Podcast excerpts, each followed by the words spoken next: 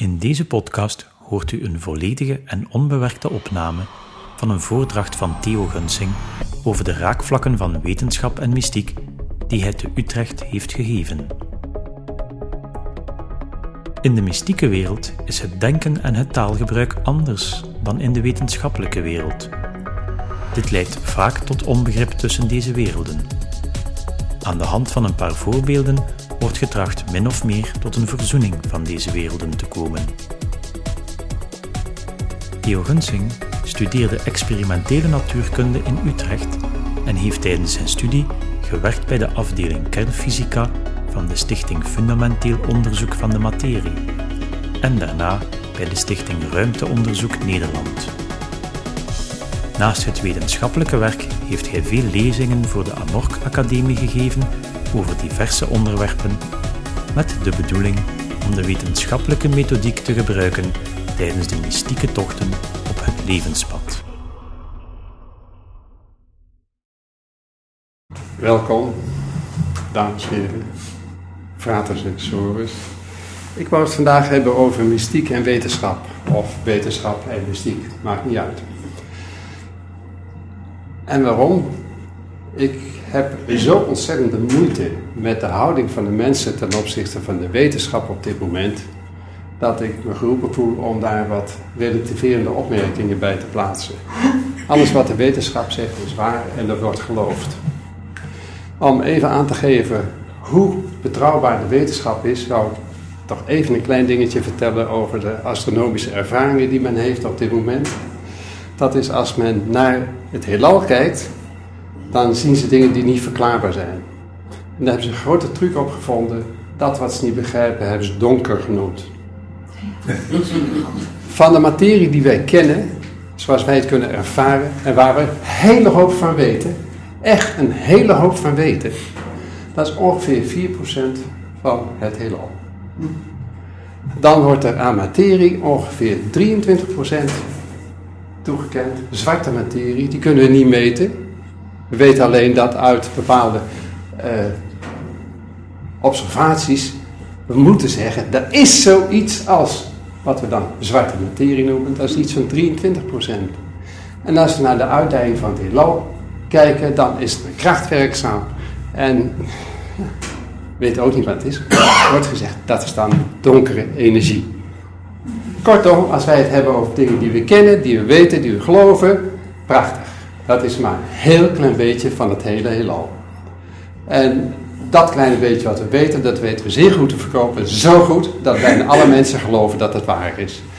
Hele hoop is waar. Ze doen goed werk. Maar ik wou ze dus even van die goddelijke stoel afhalen. dat even ben ik kwijt. En ik ga dus nu beginnen over uh, dingen die we in het dagelijks leven heel erg uh, ja, onbegrijpelijk zijn. Waar we niet zo goed mee uit kunnen misschien. Er zijn een hele hoop mensen die geloven het gewoon niet en zeggen dat is allemaal onzin. Vooral de wetenschap is daar heel sterk in. Maar moet je eens denken aan dingen als helderziendheid, bijvoorbeeld. Of uh, is er een leven na de dood? Is er iemand die daar een zinnige verklaring voor kan geven of een betrouwbare mening? Iets waar je wat aan hebt. Uh, de alchemie, is dat nou waar of is dat niet waar? Is dat nou allemaal puur onzin en bijgeloof? Uh, wetenschappelijk kan je van deze dingen allemaal niks bewijzen. Dacht men. Dat is niet helemaal waar. Er zijn dingen die wel degelijk bewezen kunnen worden. Als je nagaat in de middeleeuwen, had je dus mensen die dus als magier werden aangesproken en ook aangezien, die deden dingen waar de mensen geen verklaring voor hadden. Dat was toch zoiets macabers. Maar de wetenschap heeft heel veel van die dingen volkomen begrijpelijk gemaakt. Dingen die dus zeg maar 500 jaar geleden puur tovenarij waren, die zijn nu gewoon wetenschappelijk aanvaard. En bewezen op alle mogelijke manieren. Dat betreft een hele leuke illustratie aan een filmserie die we hier een hele tijd geleden hebben gehad over Cat Easel. Wordt dus een tovenaar die wordt dus in deze tijd geplaatst en die, die maakt van alles mee waar hij helemaal niks van snapt. Dat was eigenlijk een hele leuke illustratie van twee werelden. toen en nu. En dat is met een hele hoop dingen zo. Vroeger was het gewoon tovenarij, nu is het gewoon wetenschap. En die wetenschap die heeft dus ontzettend veel gedaan om dingen te verklaren. En met succes. Hè? Als je denkt aan de uh, koopvaardij, die op een zeker moment heel goed de routes konden vinden door het uitvinden van klokken en uh, instrumenten om de sterrenstanden te bepalen. Daarmee konden ze precies hun koers bepalen en dat heeft heel veel levens en tijd gespaard. Dat ging dus allemaal prima. Maar ja, als je dan met die ervaringen kwam, een beetje gevoelsmatige dingen, dan kon dat niet berekend worden. Men kon dat niet meten. En als men iets vertelde dat hij daar een bepaald gevoel kreeg, wat ze ook deden, men kon het nooit meten. En omdat dat zo'n groot verschil in ervaring was tussen de wetenschappelijke aanpak, die dus technisch zo mooi werkte en waar je alles mee kon berekenen, en die gevoelsmatige dingen als, ja, helderziendheid, hoe waar is dat? Hoe kun je dat nou bewijzen? Daar ontstonden hele discrepanties tussen die twee werelden. Tussen die wetenschappelijke wereld en die persoonlijke wereld. En dat is heel sterk verslechterd door al die charlatans die er geweest zijn, die de lichtgelovigheid van mensen wilden gebruiken door waarzeggertje te spelen en uh, nou ja, dat soort onzin. Dat zijn dus geen serieuze mensen wat mij betreft, behalve dan wat geld verdienen betreft. Maar wat hun aanpak betreft was natuurlijk niet serieus. Maar er zijn wel degelijk dingen die serieus zijn op dat gebied en misschien wel heel erg belangrijk voor de mensheid. En de mystici, die, die zijn dus altijd bezig geweest om onderzoek te plegen juist naar die persoonlijke dingen. U heeft in de eerste lezing vanmiddag gehoord hoe bij Amor dat uh, eigenlijk aangepakt wordt en gestimuleerd wordt. Maar Amork is in zijn manier zoals die nu is, maar een paar honderd jaar oud. Maar in de eeuwen daarvoor, millennia daarvoor, is men ook altijd bezig geweest om zichzelf te begrijpen en het doel van het leven vast te stellen. En er zijn een hele hoop mensen dus in de geschiedenis geweest die daar veel over bereikt hebben. En eh, je mag aannemen dat in die tijd dingen als bijvoorbeeld helderziendheid en dat soort manifestaties dat die vrij normaal waren, omdat men heel anders dacht dan wat men nu doet. Wij zijn door de ervaringen met de wetenschap zo materialistisch geworden dat we eigenlijk verwijderd zijn van onszelf. Heel, heel jammer. Maar gelukkig is er nog een kern van overgebleven en er zijn er instituties zoals bijvoorbeeld de AMWORK die dus wel degelijk die weg voor de mensen open houden om ja, de, de, mens, laten we even wel zijn, de mens houdt hem zelf open, maar er zijn instituties waar dingen bij elkaar verzameld zijn, zodat de mens die zoekt, die daar een weg kan vinden. En eh, als ik dat even de mystieke wereld noem, dan wordt er natuurlijk het nodige bereikt, er worden ook resultaten behaald en die zijn eigenlijk alleen nuttig als ze gebruikt worden voor de mensheid. Als men dat probeert te doen en men probeert men erover te praten in officiële kringen, dan worden die pogingen vaak meteen afgestraft door de officiële wetenschap. Als zijnde, het is niet te bewijzen. En nou ja, je kent het hele rijtje van, uh, van dingen wel. Uh, pas als je het een experiment kan doen en je kunt dat met een zekere statistische waarschijnlijkheid goed doen, dan wordt het wetenschappelijk mogelijk aanvaardbaar.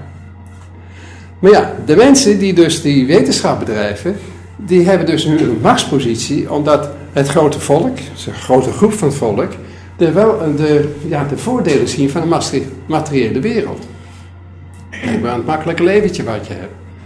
Aan de uh, infrastructuur die we hier in de wereld hebben. Gaat allemaal prachtig. Heel mooi. En dat is dankzij de wetenschap en de techniek geweldig. En als je dan over mystiek gaat praten, dan betekent dat eigenlijk uh, werk aan de winkel. Dus je bereikt op mystieke pad alleen iets als je zelf aan het werken bent. Je moet het zelf doen. Je moet jezelf overwinnen. Je moet naar binnen toe gaan. Dat is een hoop werk. Dus voordat je met die mystieke praatjes naar buiten kan komen, moet je concurreren met een wereld die het heel makkelijk maakt om in te leven. Althans, op een stoffelijke wijze in te leven. Want als je levensvraag krijgt, wat je dan moet doen, daar heeft de wereld geen antwoord op.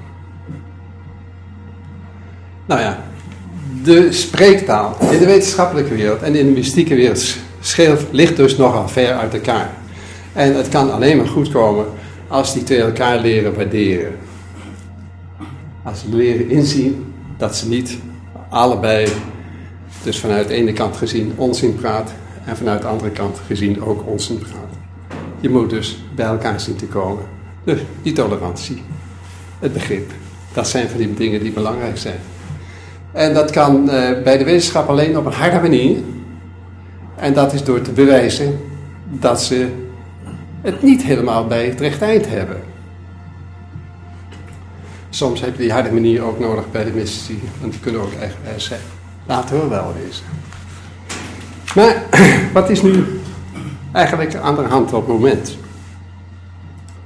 Wat ik zei over die donkere energie en donkere materie, dat is een uh, pak sinds de jaren 60 van de vorige eeuw, is dat zo'n beetje naar buiten gekomen. Dat er problemen waren op dat gebied. En uh, dat was dus een flinke domper op, ja, zeg maar op de status van de astrofysica, van de kosmos. En uh, dat was niet alleen. Er waren ook op andere gebieden van de wetenschap waar men wat moeite kreeg, om heel eerlijk te zijn, eigenlijk dat ze het niet meer begrepen. En uh, er zijn mensen geweest die de stoute schoenen hebben aangetrokken en toch maar eens even zijn gaan kijken van, zijn die modellen die we hebben, zijn die eigenlijk wel zo goed? Bekijken we ze eigenlijk wel goed? En zijn tot de conclusie gekomen dat dat dus niet het geval is.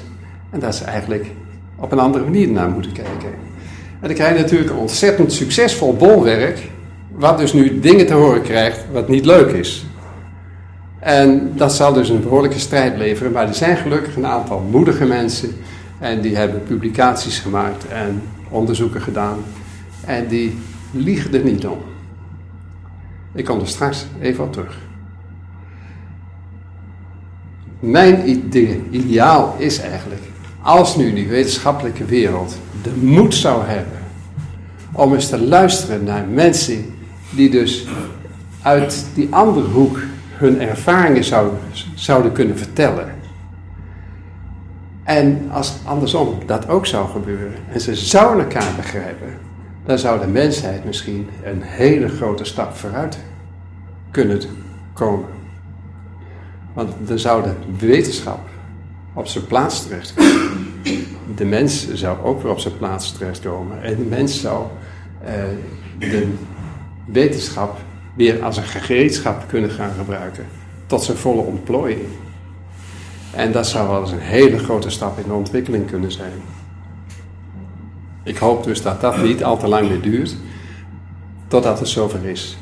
En de eerste dingetjes die daar eigenlijk in die richting werken, daar zal ik nu het over hebben. We hebben het vanmiddag uh, gehoord al over de alchemie, over de transmutatie van stof. Als je dat kan, dan ben je meester. Prachtig. Goed bericht, dat kunnen we tegenwoordig. Wat dat betreft heeft dus de wetenschap uh, de mystiek bevestigd. Door botte experimenten. Dat kan. Je kunt met kernfysische experimenten kun je, een uh, kun je een element veranderen in een ander element. Dat is pure alchemie. Dat het niet op grote schaal wordt toegepast is alleen een kwestie van geld. Want als je een onsje goud wil maken, dat kost miljarden euro's. Dat is erg duur. Dat is niet te doen. Maar het kan wel.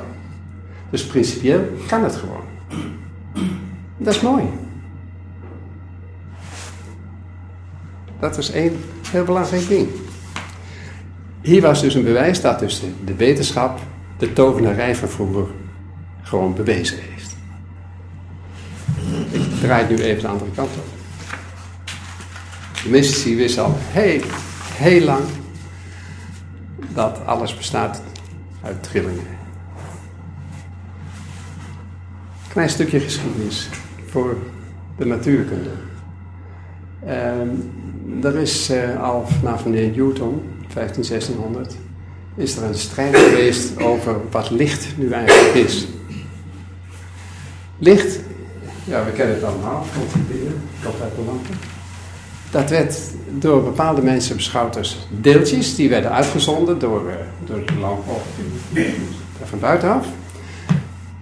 En anderen dachten, kan niet, deeltjes, moeten golven zijn. En bepaalde experimenten, die lieten duidelijk het deeltjeskarakter zien. Andere experimenten lieten duidelijk het golfkarakter zien. Dat is een controverse geweest tot, zeg maar, begin vorige eeuw. Toen waren dus, er waren wat meer ontwikkelingen en dan moet je denken aan de groep van mensen als Einstein, Heisenberg, dus dat plukje. Eh, maar ook uh, zeker een Fransman, geïnspireerd, zeker meneer De Bruyne, die kreeg een gedachtenflits en die dorst toen te beweren, en dat was eigenlijk vloeken in de kerk. Maar, ja jongens, waar zijn jullie mee bezig? Die deeltjes waar je het over of die golven waar je het over hebt, is hetzelfde. Het kan zich alleen manifesteren op een andere manier. Maar het is hetzelfde. En ik zal jullie bewijzen, en hij gaf een formule waarmee je kon aangeven dat afhankelijk van de massa van het ding, dan ook bij dat ding dan een zekere frequentie hoorde. Er was een formuletje voor en dat kon je toepassen en dat klopt als een bus. Dat was volkomen krankzinnig in die tijd. Te beweren dat zoiets en een golf kon zijn of een deeltje. Want het wereldbeeld was daar puur mechanisch. Alle dingen waren, bestonden uit, ja, als klein waren uit kleine deeltjes. De kleinste deeltjes waren atomen, dat waren niet afbreekbare dingen en die bewogen en daar waren de wetten van Newton voor geldig. En als je dus de beginsnelheid kende en er waren geen verstoringen, dan wist je precies waar die naartoe ging. Dat was het wereldbeeld. Nou kwam er een of ander en die zei dat dat niet waar was. Nou, dat was natuurlijk een pure revolutie. Maar hij stond niet alleen en daarom heeft hij kans gekregen. Ze ontdekte op andere manieren ook dat dat eenvoudige wereldbeeld van alleen maar puntjes, dat dat niet klopte. Als namelijk een atoom een opduvel krijgt en hij gaat weer tot rust komen, hij verliest weer zijn energie die hij opgedaan had bij die klap, dan zendt hij licht uit. kennen we allemaal. Als je naar gasvlam kijkt, dan zie je dat er licht uitkomt. Dat komt alleen omdat die moleculen daar zo ontzettend hard bewegen. Maar dat licht wat ze uitzenden, dat kan niet in elke kleur zijn. Als je waterstof verlicht, dan komt er alleen maar een bepaalde rode kleur uit.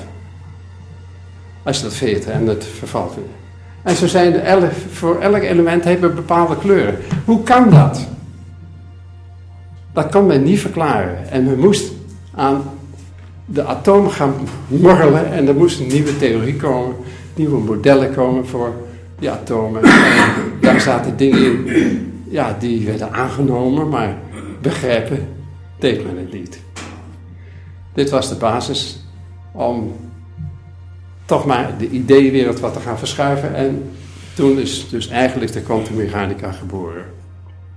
En de kwantummechanica die zette de materiële wereld helemaal op zijn kop.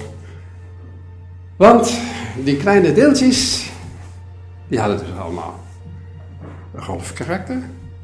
En het werd nog erger, dat golfkarakter dat was eigenlijk het enige.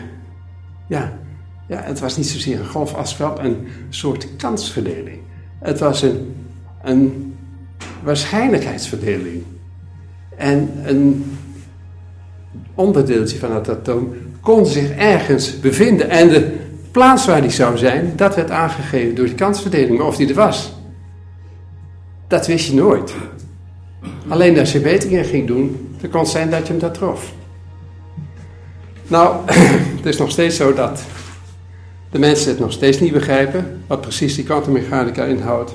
Maar er is wel één raar ding gebeurd met die kwantummechanica. Bij de experimenten die men heeft gedaan, is men tot een conclusie gekomen. En er konden ze niet onderuit komen dat het beeld wat je had als model, dat kon je realiseren in je experimenten.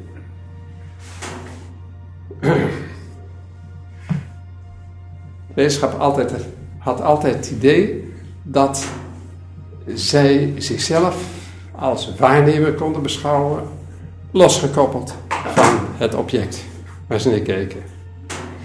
Dat idee ging ter ziele. En dat was treurig, want dat betekent dat dus weer een van de fundamenten van hun stellingen onderuit gehaald werd. En het nare was dat niet anderen dat deden, maar ze deden het zelf. Ze kwamen dus voor het probleem te staan. Uh, dat is niet zo erg, maar ze waren dus nu inmiddels wel achtergekomen dat ja, alles bestaat uit trillingen. En eigenlijk alleen maar uit trillingen. En verder is er niets reëels. Dat is heftig. Wij bestaan hier dus niet uit echt reële dingen die dus echt altijd manifest zijn. We zijn een, ja, een gematerialiseerde, wereld die ook elk moment weer opgegeven zou kunnen worden. En dat dat, dat kan, uh, dat is iets dat. Uh, het is niet een kwestie van geloof, maar je kunt het ook bewijzen. Denk maar aan de kernbommen die gebruikt zijn. Kortom, de wetenschap staat voor een muur. En om over die muur heen te komen, moet men hun gedachtenwereld volledig veranderen. En er zijn nu gelukkig dus een aantal mensen die daar ja, een vinger tussen de deur hebben gekregen, weten te krijgen. En dat zal echt wel verder gaan, maar hoe lang dat duurt, weet ik niet. Dan zo'n ding als bijvoorbeeld uh, helderziendheid of uh, psychokinese. Dat zijn van die dingen die in de mystieke wereld wel degelijk een rol spelen. Bestaat dat nou echt of is dat nou onzin? De mensen die de stoute schoenen hebben aangetrokken, hebben het volgende gedaan. Je kunt met elektronica kun je een apparaatje bouwen. En dat apparaatje dat kan een reeks getallen genereren. En die getallen zijn heel eenvoudige getallen, nulletjes en eentjes. En die kan die in volkomen willekeurige volgorde maken. Die kun je laten uitprinten of je kunt ze laten tellen. Hoeveel keer komt er een eentje, hoeveel keer komt er een nulletje. Normaal zou het de helft van de tijd eentjes zijn, de helft van de tijd nulletjes. Met zeer grote nauwkeurigheid. Men heeft die dingen gebouwd, heeft er experimenten mee gedaan en mensen gevraagd om dat ding te beïnvloeden. Dus geef je voorkeur uit aan ene of geef je voorkeur uit aan nullen. En uh, die proeven zijn vaak herhaald. En ja hoor, men kon het ding meer eentjes laten produceren. Of meer nullen laten produceren. Afhankelijk van wat hun intentie was. Toen hebben ze een interessant experiment gedaan. Ze hebben gewacht op een groot evenement. En uh, dan moet je denken, die, in die tijd groot evenement was dat proces tegen die tennisspeler Simpson. In Amerika was dat, hè? Ja, goed. Ze hebben op het moment dat dus die, dat proces op zijn eind liep en een uitspraak kwam van de jury, hebben ze dus een hele hoop generatoren laten lopen.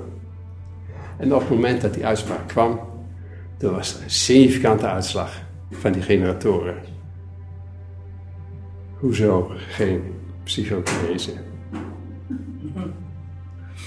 Ja, dat is dan toch wat.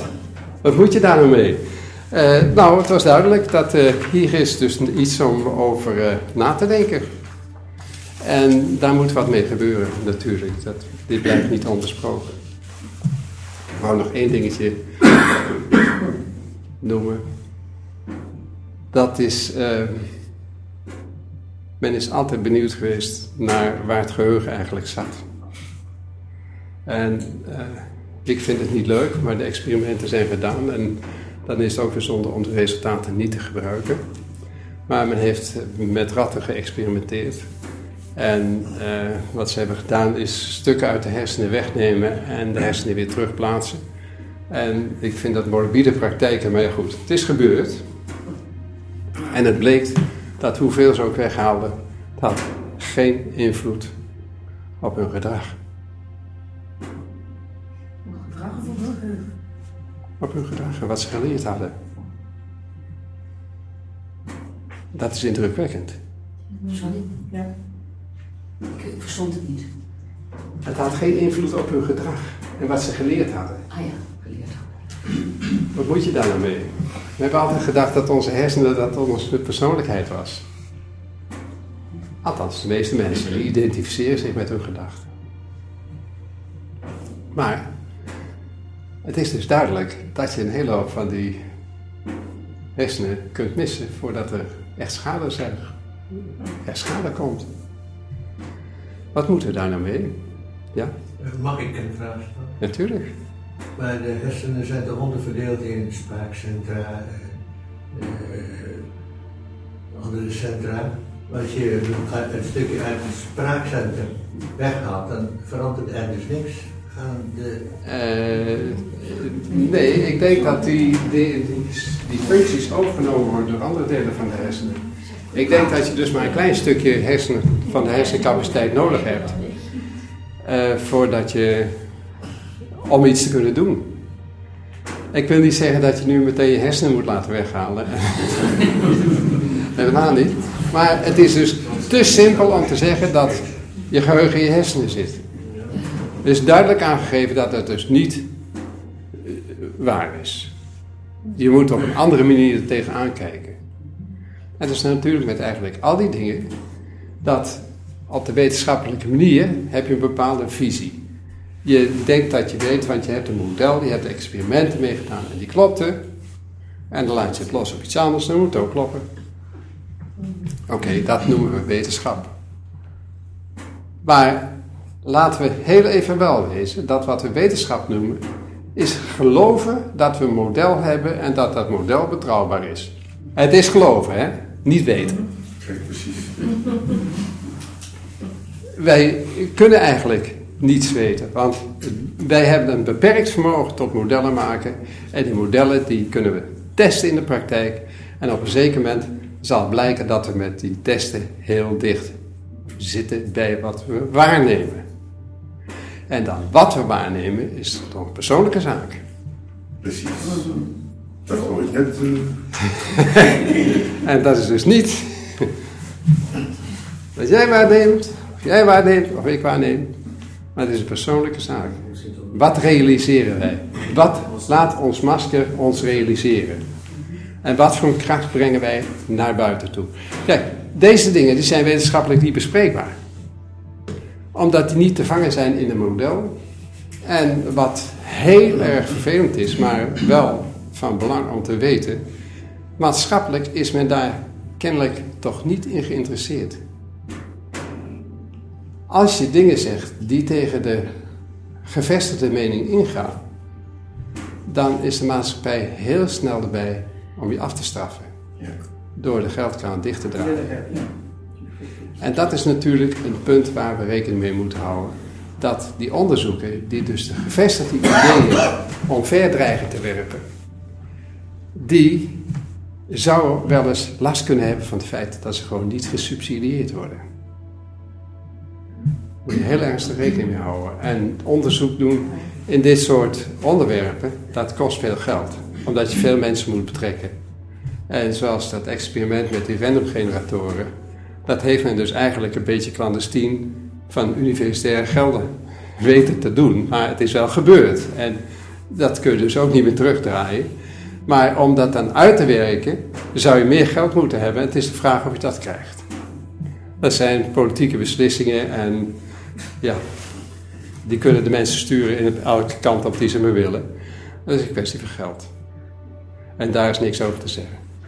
Ehm, toch is er gelukkig hoor, wel meer aandacht voor dit soort dingen. Ik zit zelf bij de Universiteit Utrecht en het Academisch Ziekenhuis. En daar hebben ze laatst bijna een jaar lang, eh, elke vrijdagmiddag, één keer per maand, een soort van congres gehad. That, what's that thing called science? En dat ging over dit soort onderwerpen. Dus het komt er langzaamaan, gelukkig, wel een beetje, maar het gaat heel traag. Ja, nee, ik heb er ook wel vertrouwen in, want het is niet meer tegen te gaan. Nee, daarom. Het is te ver in de openbaarheid gekomen om, eh, om dat nog eh, te stoppen. Je merkt het aan een aantal boeken die er zijn. Eh, ik heb hier een lijstje met boeken voor degene die geïnteresseerd is, kan het wel even kopiëren. Maar het idee van, dus nu even, laat ik het maar een tussencircuit noemen. Hè. Je hebt de mystici, je hebt de wetenschappers en je hebt een aantal wetenschappers die dus gevoelig zijn voor de mystieke kant van de wereld. En dus experimenten doen eh, om, om dus daar iets van los te krijgen. Of literatuurstudie doen, of gaan praten met andere mensen om gemeenschappelijke ideeën te ontwikkelen. En het idee is nu, en dat vind je heel erg sterk bij een zekere journaliste, Lynn McTaggart, die het boek Het Veld heeft geschreven, dat eh, ja, kwantummechanica die heeft het basis voor alles, is eigenlijk, eh, eh, dat zijn golven. En eh, die golven die kun je associëren met een veld. En als je dat veld accepteert, dan worden ineens een hele hoop dingen toegankelijk voor andere experimenten en andere dingen. En vooral als je toestaat dat in het veld niet alleen eh, domme energie aanwezig is, maar ook informatie. Als je dat durft te accepteren, dan kun je een hele hoop ineens verklaren. En hoe zou je experimenten moeten opzetten waar mensen aanwezig zijn? Want ik weet, verschil van mens tot mens, bijvoorbeeld u of mijn of iemand anders aanwezigheid bij een experiment heeft al grote invloed op de uitkomst. Denk aan het experiment met de renopgeneratoren. Ja, nee, maar hoe zou je dan een experiment moeten opzetten? Ja, dat is een kwestie van fantasie. en eh, als je dus eh, serieus een experiment wilt doen, eh, dan zal er eentje weliswaar de leiding moeten nemen om eh, gewoon een, een protocol uit te werken, weet ik veel wat. Maar die zal dus mensen bij elkaar moeten zoeken en testen om te zien of ze in staat zijn om zich op elkaar af te stemmen. En als ze dat kunnen, dan moet je een rij experimenten uitvoeren. En dan moet je dat met een andere groep ook doen. Want ik zeg niks over de wetenschappelijke methode, die is hartstikke goed. Doe een experiment. Bepaalde resultaten. Doe het nog een keer, moet hetzelfde uitkomen. Geen gezeur. En nog een keer, moet weer hetzelfde uitkomen. Dan begin je te geloven. Dat zou je met mystieke zaken ook moeten doen. Dat moet je ook gewoon wetenschappelijk aanpakken en gebruik in godsnaam die ervaring die in de wetenschappelijke wereld is opgedaan. Want die hebben zeer nauwkeurig leren werken. Echt waar.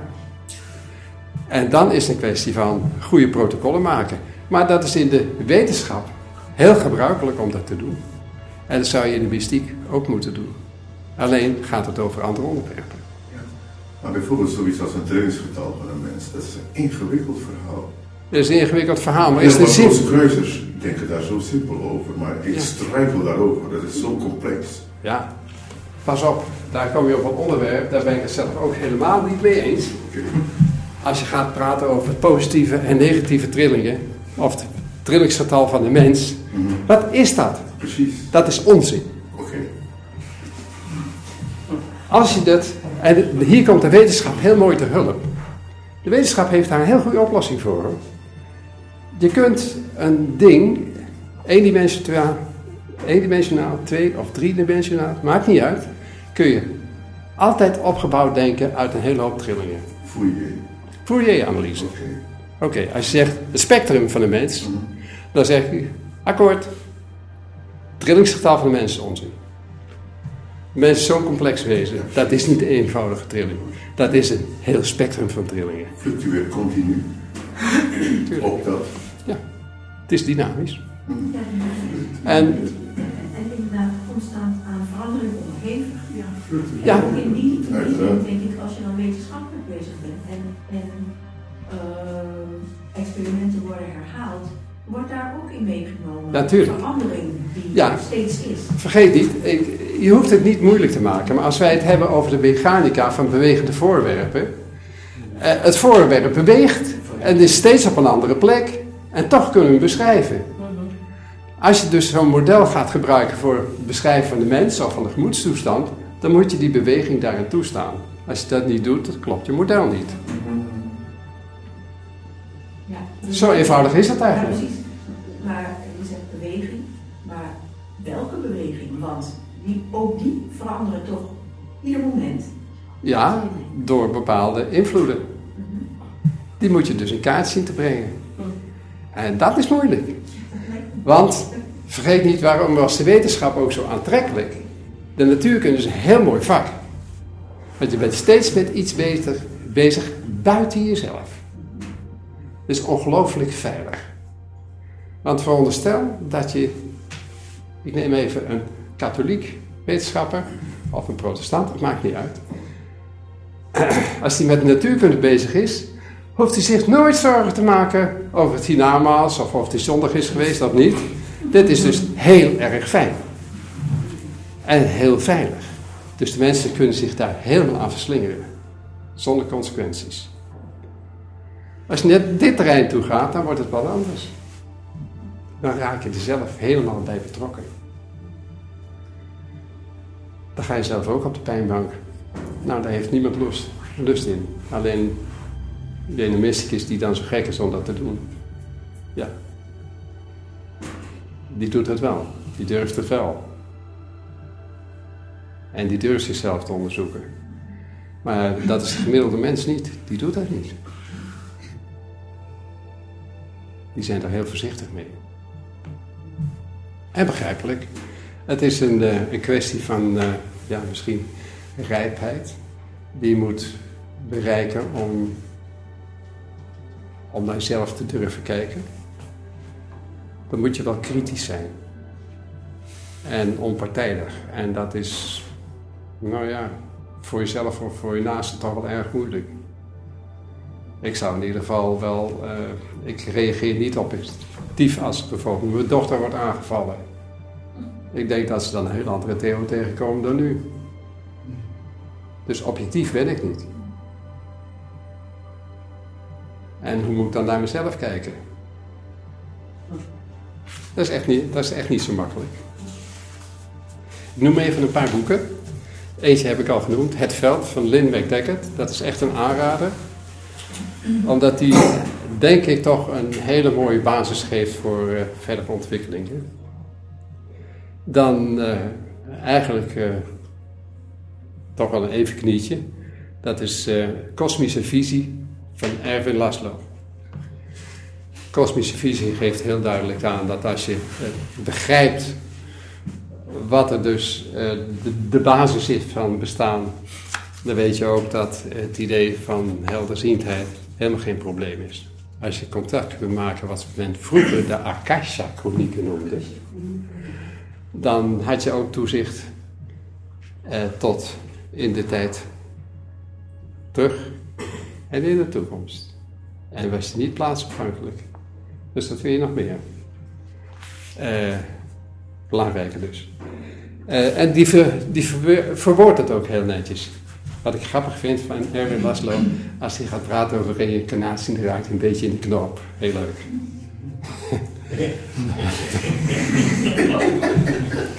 en dan is er uh, toch een heel aardig boek om te lezen van Pim van Lommel, Eindeloos Bewustzijn. Dat gaat over de beide doodervaringen. En hartchirurg was hij en uh, hij heeft dus heel veel mensen begeleid en daar veel ervaring mee.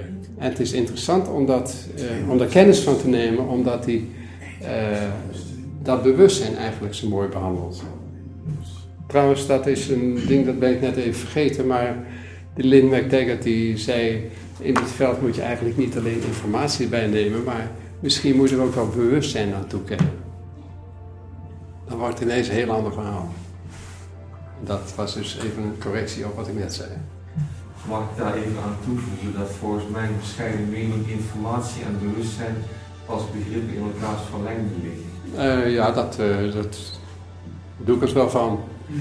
Doe ik het wel voor. En uh, het hoort bij elkaar in ieder geval. En het is dus. in deze hele ontwikkelingen is dus eigenlijk idioot om te veronderstellen dat bewustzijn iets is wat helemaal los staat van het zijn. Dat, dat kun je niet voormaken. Dus ik vind het eigenlijk een heel logische uh, stap die ze maken in dat boek om bewustzijn te koppelen aan het veld. En informatie is, uh, ja, oké. Okay. Met je ja, nou, ik, ik twijfel daar een beetje aan. Ja, informatie en bewustzijn horen bij elkaar.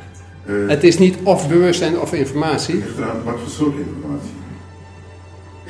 niet alle informatie is betrouwbaar. Als je naar een supermarkt gaat ja. en je koopt een pakje boter, ja. smeer je dat dan rustig op je brood om op te eten? Nee. Wat doe je dan? Omdat ik alleen boter koop waarvan ik weet dat het goed is voor mijn lichaam. Uh, noem een ander product wat je wel gebruikt. Bronwater. Ook niet.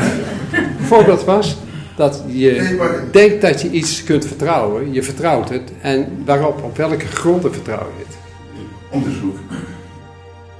Ga jij zelf dat flesje onderzoeken? Ja, ik, ik, ik, koop ook geen bronwater uit, uit, uit een uh, kunststoffles. Ja, nou. Maar goed. Oké. Okay. Prima. Ik laat, ik laat het hierbij, want... Ik wil even aanhaken wat je praat. Um, op het moment dat ik uit huis stapte om dit lijn te maken om eigenlijk naar hier te komen, kreeg ik te maken met banggevoelens. Heel sterke banggevoelens die eigenlijk uh, tot mij kwamen. Eigenlijk voelde ik dat. Dat dacht ik aan de persoon de lezing ga geven en aan de, aan de innerlijke eigen van de persoon, naar de hand van de lezing wat je hetgene wat ik naar heb geluisterd, probeer ik eigenlijk een beetje conclusie te trekken. Eigenlijk waarom ik die banggevoelens van andere mensen heb gehad, op het moment toen ik uit zou stappen. Dus gelijk die stroming. En daar zei ik eigenlijk over harde dingen, had ik een bepaald onderwerp over. Ik denk aan mezelf en als Kruis, je denkt, je bent in een organisatie, Kruis is goedheid. En dan vraag me af, nou eigenlijk, van waar komt die bangheid, die stroming? Maar nou, eigenlijk, dat is het licht dat tot me kwam. En voorstel ik eigenlijk van datgene wat ik kom luisteren. En aan de hand van de opmerking van de vader en de opmerking van de vader ook voor de coördinatie van de achter, van de contact tussen broeders en eigenlijk de plaats waar je naartoe gaat en de voorbereiding. Dus daar ook, ook in haken. Misschien dat ik wat meer licht daarin moet zien. Maar die boeken heb je ook weer uitgelegd. Misschien moet ik het weer daaruit halen, dus ik wil dat ook even reageren. Maar het is aan u. Ik heb uh, geprobeerd te volgen en ik kom tot uh, eerst tot een bepaalde conclusie dat ik eigenlijk niet uh, weet wat wetenschap is, en want ik begrijp dat niet. Hè. Maar ik, vraag, ik heb wel een idee over informatie. Er zijn gegevens waarvan je je bewust kunt zijn. En wanneer die gegevens, wanneer je daar iets mee kan doen, wanneer ze je iets zeggen, informeren ze je. Dus dat onderscheid tussen gegevens en informatie, zoals in de informatica wordt gemaakt, dat is wel belangrijk. Ja. Het is, onderscheid is belangrijk, maar ze horen wel bij elkaar. Zonder bewustzijn heb je niets aan informatie. Maar je kan niet zeggen dat informatie bewustzijn is. Nee, maar het heeft wel heel nauw te maken. Hè? Dus je, je bent je bewust van gegevens. Hè? Dus als ik het plat sla, dan is, zijn gegevens een, een, een, een bak met data.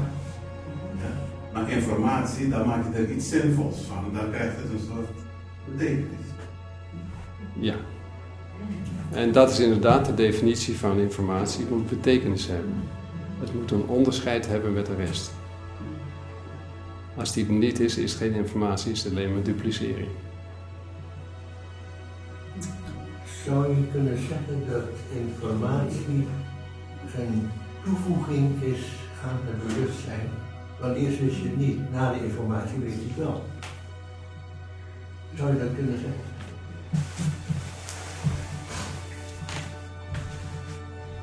Ik denk het. Ik denk het haast. Ik ben voor mezelf nog niet helemaal uit hoe je bewustzijn zou kunnen definiëren. Bewustzijn zonder inhoudelijke informatie is niet erg goed denkbaar voor me. Je kunt met experimenten kun je gedachten stilleggen. Dat lukt. Maar dan voel je altijd nog een aanwezigheid van bewustzijn. Ook al heb je geen enkel onderwerp in dat bewustzijn. Maar in hoeverre is bewustzijn op zichzelf al een vorm van informatie? Misschien een heel bijzondere. Maar dat zou kunnen. Een pakket informatie. Ik weet het niet. Ik, ik durf dat nog gewoon niet te benoemen, want eh, daar heb ik de, nou, ik heb niet de capaciteiten voor. Ik denk dat ik alleen maar eh, onttrekkende bewegingen kan maken die ongeveer omschrijven wat, eh, wat het zou kunnen zijn. Maar als ik me dus eh, werkelijk helemaal ontspan en mijn gedachten ook inderdaad stil krijg, dan ervaar ik altijd nog aanwezigheid. Heel rustig, heel kalm. Er is er geen enkele gedachte die rondspookt. Je zou haast zeggen informatieloos. Maar dat is het niet, want ik weet dat ik er ben. Dat verdwijnt niet. En het zou wel eens kunnen zijn dat dat het minste is wat altijd blijft bestaan. Je weet dat je er bent. Maar er gaat geen rekensommetje door mijn gedachten of wat dan ook.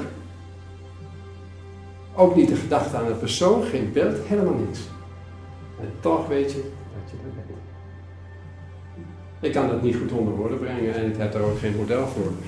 Maar daarom ben ik ook nog steeds aan het zoeken. Ik ben nog niet klaar en ik hoop jullie ook nog niet. Daarom ben je wetenschapper. Misschien ja. ja. Er is nog één, één ja, boek, maar het is ook uitgebracht, het DVD, wat ik eh, jullie niet wil onthouden. Het is eh, vrij commercieel, op Amerikaanse manier opgezet. En eh, nou ja, daar moet je doorheen kijken. Maar dat is What the Bleep Do We Know.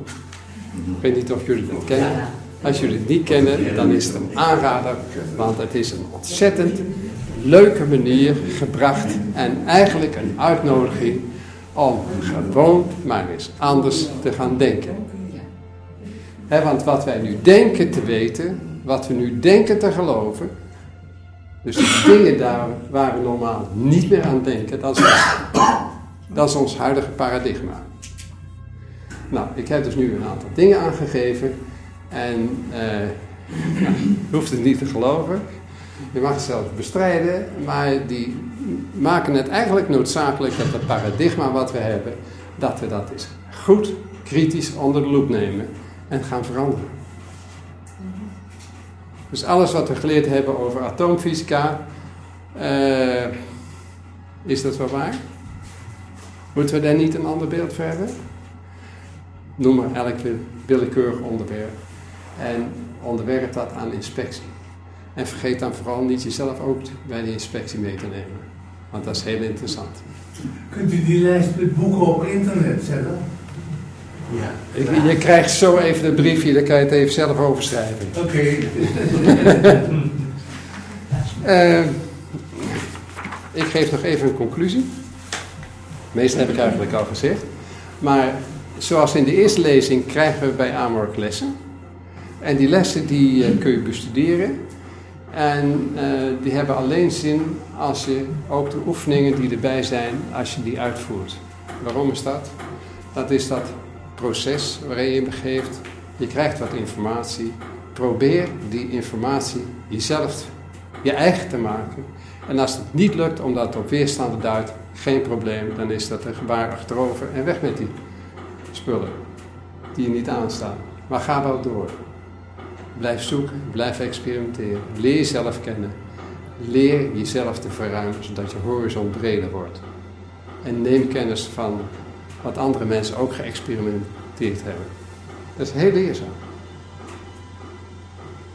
En het belangrijkste windpunt daarvan is dat het inzicht wat je had, dat wordt dermate verruimd dat je ook de lef krijgt om naar andere overtuigingen te luisteren. Het is allemaal gezegd deze lezing.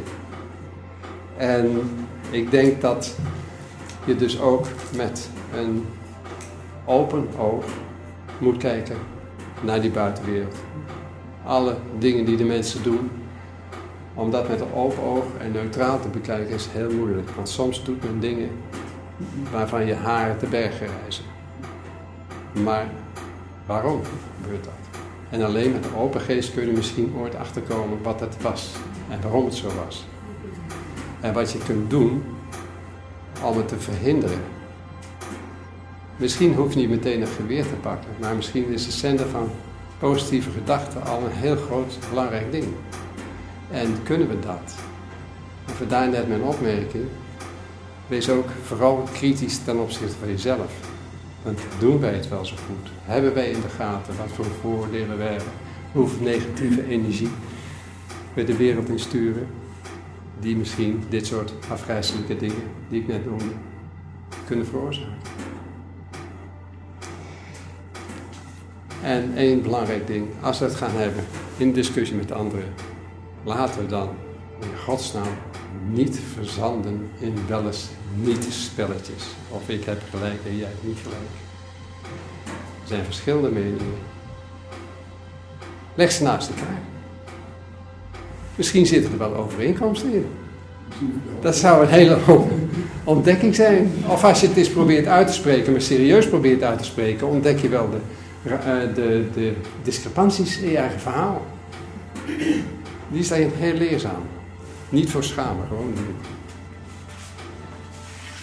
Dank u voor de aandacht.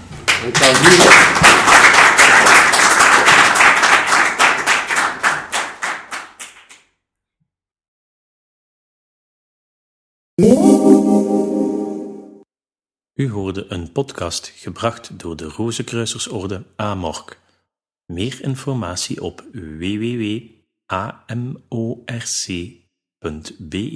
of .nl